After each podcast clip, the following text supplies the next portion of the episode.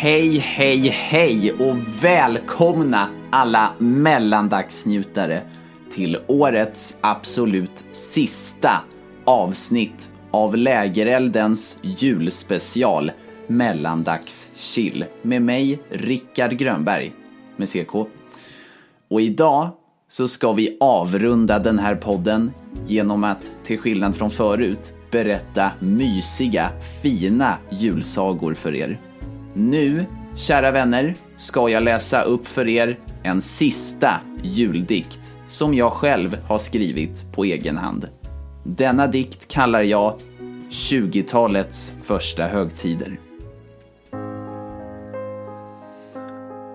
Ja, det här trodde man aldrig. Hoppades aldrig, önskade aldrig, ville aldrig. Att viruset skulle pågå så här länge att självaste julen blir utan umgänge. Högtiden som annars firas gemensamt blev i år tvångsmässigt ensamt. Mormor och morfar blir helt ensamma. Hela släkten kan i och för sig videochatta, men det är aldrig detsamma. Det borde alla fatta. Digitaliteten. Den kan ersätta många flöten, men aldrig riktiga personliga möten. Och mellandagsbio, ja, helt uteslutet. Allt, inklusive stackars Jönssonligan-filmen, offras till streaming. Men se ändå till att spara på krutet. För idag är streaming inget annat än nödlösning. För biograferna lever faktiskt fortfarande kvar. Påstå aldrig att streaming innebär nedräkning för biografernas alla dagar. Riktig bio gör film till ett välförtjänt äventyr, vilket streaming aldrig kan ersätta. Och alla andra digitala nödlösningar bör snart också ställas inför rätta. Hoppas vaccinet inte är för bra för att vara sant. Pandemin måste tyna bort, sakta men markant. Jag kan stå ut med skiten och vänja mig. Men jag tror inte på gilla läget, för att gillas förtjänar läget ej. Ja, nu bör det väl ändå räcka för samhället att fortsätta dala. 2020s alla högtider får banne mig bli de sista som måste firas i dvala. Hmm. Såja, hoppas ni riktigt njöt av mitt egna material där. I så fall får ni jättegärna skriva era åsikter på vår Facebookgrupp Lägerelden Eftersnack, så blir jag jätteglad.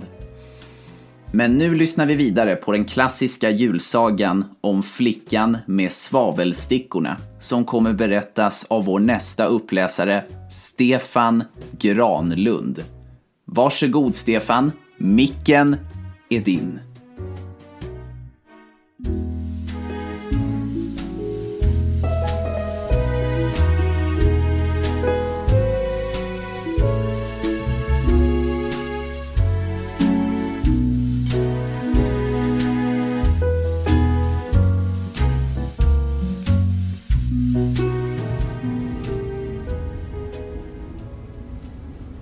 Det var rysligt kallt, det snöade och började bli mörka kvällen.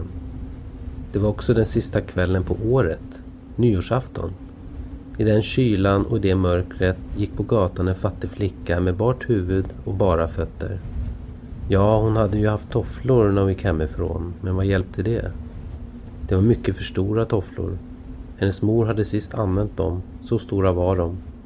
Och hon tappade den lille då hon skyndade sig över gatan just som två vagnar körde förbi i väldig fart. Den ena toffen kunde hon inte hitta och den andra sprang en pojke bort med. Han sa att han kunde använda den till en vagga när han själv fick barn. Där gick nu den lilla flickan på sina bara små fötter som var röda och blå av köld. I ett gammalt förkläde bar hon en mängd svavelstickor och en bunt gick hon med i handen. Ingen hade på hela dagen köpt av henne Ingen hade gett henne en liten slant. Hungrig och frusen gick hon och såg så ynklig ut den lilla stackaren. Snöflingorna föll i hennes långa gula hår som lockade sig så vackert i nacken. Men hon tänkte sannerligen inte på sina lockar. I alla fönster lyste ljusen och så luktade det här på gatan så härligt av gåstek. Det var ju nyårsafton ja, det tänkte hon på. Borta i ett hörn mellan två hus det ena sköt fram lite längre på gatan än det andra. Där satte hon sig och kröp ihop. De små benen hade hon dragit upp under sig. Men hon frös ännu mer och hon tordes inte gå hem. Hon hade ju inte sålt några svavelstickor, inte fått en enda slant. Hennes far skulle slå henne då. Och kallt var det också hemma. Där det bara taket rätt över sig och där pep vinden in fastän man hade stoppat halm och trasor i de största springorna. Hennes små händer var nästan alldeles döda av köld. Och en liten svavelsticka skulle göra gott om hon bara tordes dra ut den ur bunten, stryka den mot väggen och värma fingrarna. Hon drog ut den. Ritsch! Vad den sprakade, vad den brann. Det var en varm, klar låga, liksom ett litet ljus, då hon höll handen kring den. Det var ett underligt ljus. Den lilla flickan tyckte att hon satt framför en stor järnkamin med blanka mässingskulor och mässingsspjäll. Elden brann så härligt, värmde så skönt. Nej, vad var det? Den lilla sträckte ut fötterna för att värma dem också. Då släcktes lågan. Kakelugnen försvann. Hon satt med en liten stump av den utbrända svavelstickan i handen. Hon slog eld på en ny. Den brann, den lyste och där skenet föll på husväggen blev den genomskinlig som en slöja. Hon såg rakt in i rummet där bordet stod dukat med en skinande vit duk med fint porslin och härligt ångade den stekta gåsen. Fylld med sviskon och äpplen och vad som var ännu bättre, gåsen hoppade från fatet, stuttade fram över golvet med kniv och gaffel i ryggen, rakt fram till den fattiga flickan. Då slocknade svavelstickan och där fanns inget annat att se än den tjocka kalla husväggen. Hon tände en ny. Då satt hon under en strålande julgran den var ännu större och finare utstyrd än den hon hade sett genom glasdörren hos den rike köpmannen nu i julas. Tusen ljus brann på de gröna grenarna och hon såg brokiga bilder som liknade dem som prydde butiksfönstren. Den lilla sträckte upp händerna i luften, då slocknade svavelstickan. De många julljusen steg högre och högre. Hon såg nu att det var bara klara stjärnorna. En av dem föll och gjorde en lång eldstrimla på himlen. Nu är det någon som dör, sa den lille. För gamle mormor som var den enda som hade varit snäll mot henne men nu var död hade sagt när en stjärna faller stiger en själ upp till Gud. Ännu en gång strök hon en svavelsticka mot husvängen. Den lyste runt omkring och i ljusskenet stod gamla mormor så klar, så strålande, så välsignat mild. Mormor! ropade den lilla. Och ta mig med! Jag vet att du är borta när svavelstickan har brunnit ut. Borta liksom den varma kaminen, den härliga gåsteken och den stora strålande granen. Och i en hast strök hon eld på alla stickorna som var kvar i bunten. Hon ville riktigt hålla kvar mormor. Och svavelstickorna lyste med en glans så att det var ljusare än mitt på dagen. Mormor hade aldrig varit så vacker, så stor. Hon lyfte upp den lilla flickan på sin arm och det flög i glans och glädje så högt, så högt. Och det var ingen kyla, ingen hunger, ingen ångest. Det var hos Gud.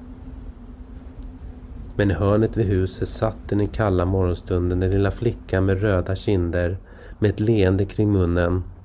Död. Ihjälfrusen. Den sista kvällen på gamla året. Nyhetsmorgonen gick upp över det lilla liket som satt med svavelstickorna. En av buntarna var nästan uppbränd.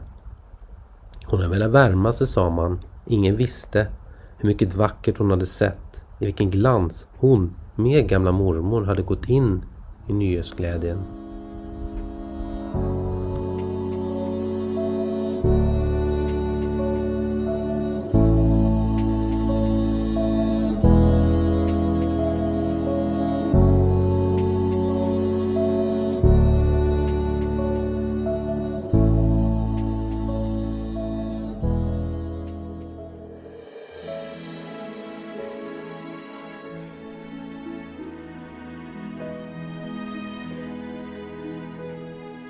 Mm, en mycket fin historia.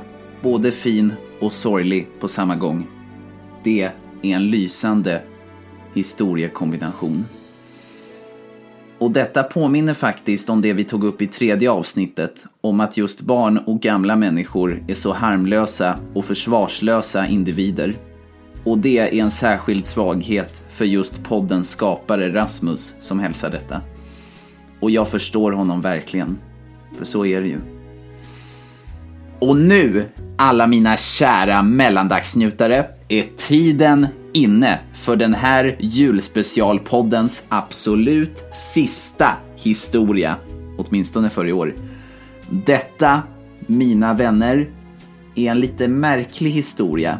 Och vi tar ett litet utstick från klassiska julsagor i just denna historia. Denna historia fick nämligen Rasmus och hans klass som svenska uppgift i skolan. Den här historien har också ett öppet slut, vilket betyder att ni som lyssnare får tolka den helt själva om vad som händer i slutändan. Så spetsa öronen noga, för nu är våran uppläsare Eva Lundegård tillbaka hos oss för att berätta vår sista historia som heter Rysk roulette. Varsågod Eva och ge den här serien en värdig avslutning.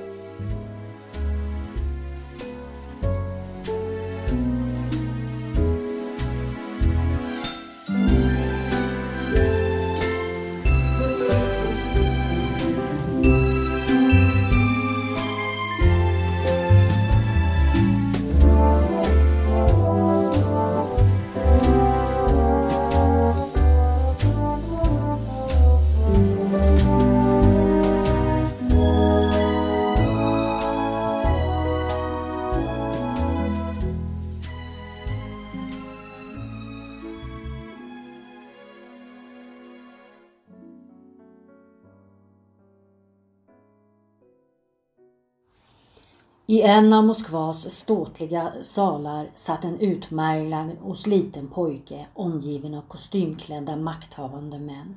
Att döma av uttrycket i hans ansikte hade han stor respekt för kararna som skränade, alla med varsin vodkaflaska i handen.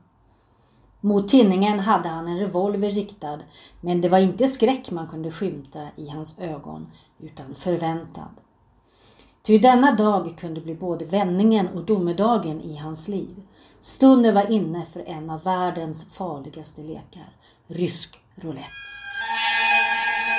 Alexanders liv hade aldrig varit lätt. Från det han föddes hade kampen mellan liv och död varit hård och en vandring mellan olika fosterhem, det ena värre än det andra. Efter både fysisk och psykisk misshandel insåg han att klockan var slagen, dags att ge sig av. Alexander sade adjö till hans tillfälliga familj som han visste varken skulle sakna eller leta efter honom och beslöt sig för att skaffa jobb. Med endast en kappsäck innehållandes några rubel och ett par kalsonger att byta mellan gav han sig ut i världen. Platsen som väntade på Alexander var Moskvas gator både dag och natt. I ett liv av endast skoputsning och sniffning tyckte han livet bara blev värre och värre. På gatan fick han likasinnande vänner men kontakterna varade inte längre. En del försvann och många frös eller svalt ihjäl. I början var det hemskt för Alexander men till slut blev även det vardag. Med ett liv där endast överleva betydde något kunde man inte anse döden som något man bekämpade. Världen skulle sakna honom lika lite som han var älskad. Alexander visste att det var dags. Revolvern var laddad med tre skott, vilket gav oddsen exakt 50% och pojkens livsöde lagd i hans egna händer. Det var Alexander själv som skulle snurra trumman på revolvern och trots att snurren var totalt avgörande tog han det ganska lättsamt. Han hade inte bråttom utan kände att i den här salen kunde han sitta för evigt och att ha både vodka och mat vid sin sida gjorde inte läget värre. Skulle han dö ville han i alla fall dö en värdig död, mätt och lätt berusad.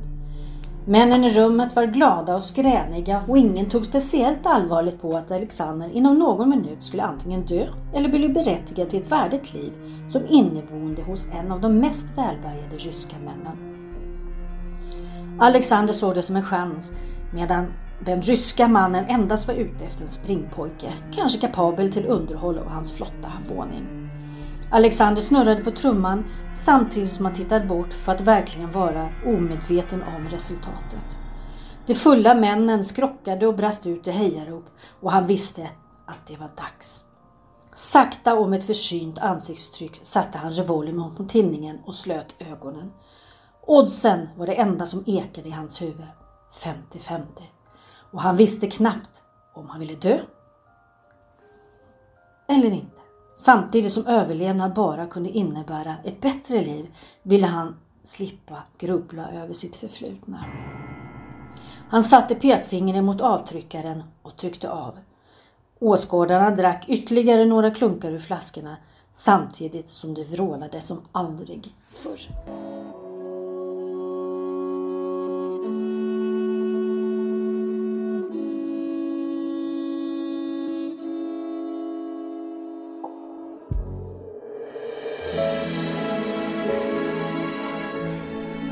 Rasmus hälsar till er alla att denna historia är väldigt nostalgisk för honom. Han kommer verkligen ihåg när hans klass fick denna uppgift. Men tydligen så fick han hoppa av gymnasiet i oktober det här året. Genom mig hälsar han till sina klasskamrater och alla sina lärare att han saknar er allihop. Så om ni hör detta så vet ni nu hur han känner. Men han tänkte även berätta sin tolkning av historien.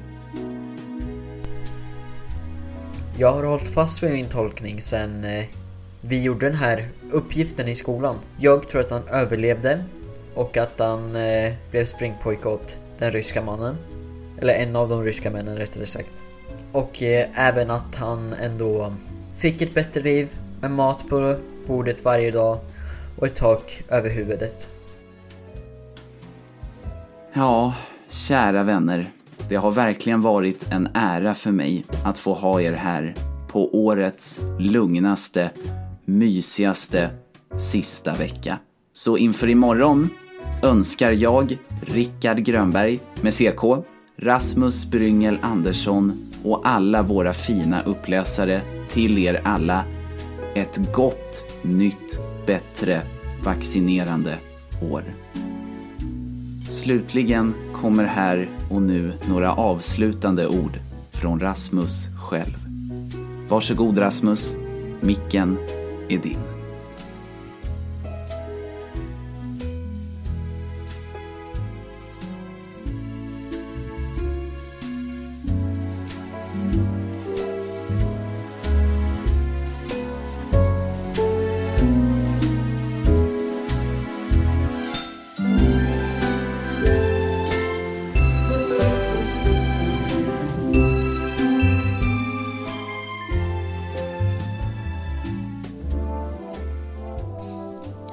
För att ni har lyssnat och tack till våra uppläsare för att ni har gjort det här möjligt. Sen vill jag även tacka Rickard som har varit årets julvärd. Gå gärna in på hans sociala medier och se vad han gör på fritiden. Sen just nu så söker vi efter både uppläsare och manusförfattare. Så känner du att du har det som krävs så skicka gärna in ett mail till mig på mailadressen rasmusandbry gmail.com Och min mailadress kommer finnas i beskrivningen som vanligt. Men fram tills dess så hörs vi igen den 29 januari med nyladdade batterier och en helt ny säsong av Lägerelden. Men ta det lugnt så länge så hörs vi då.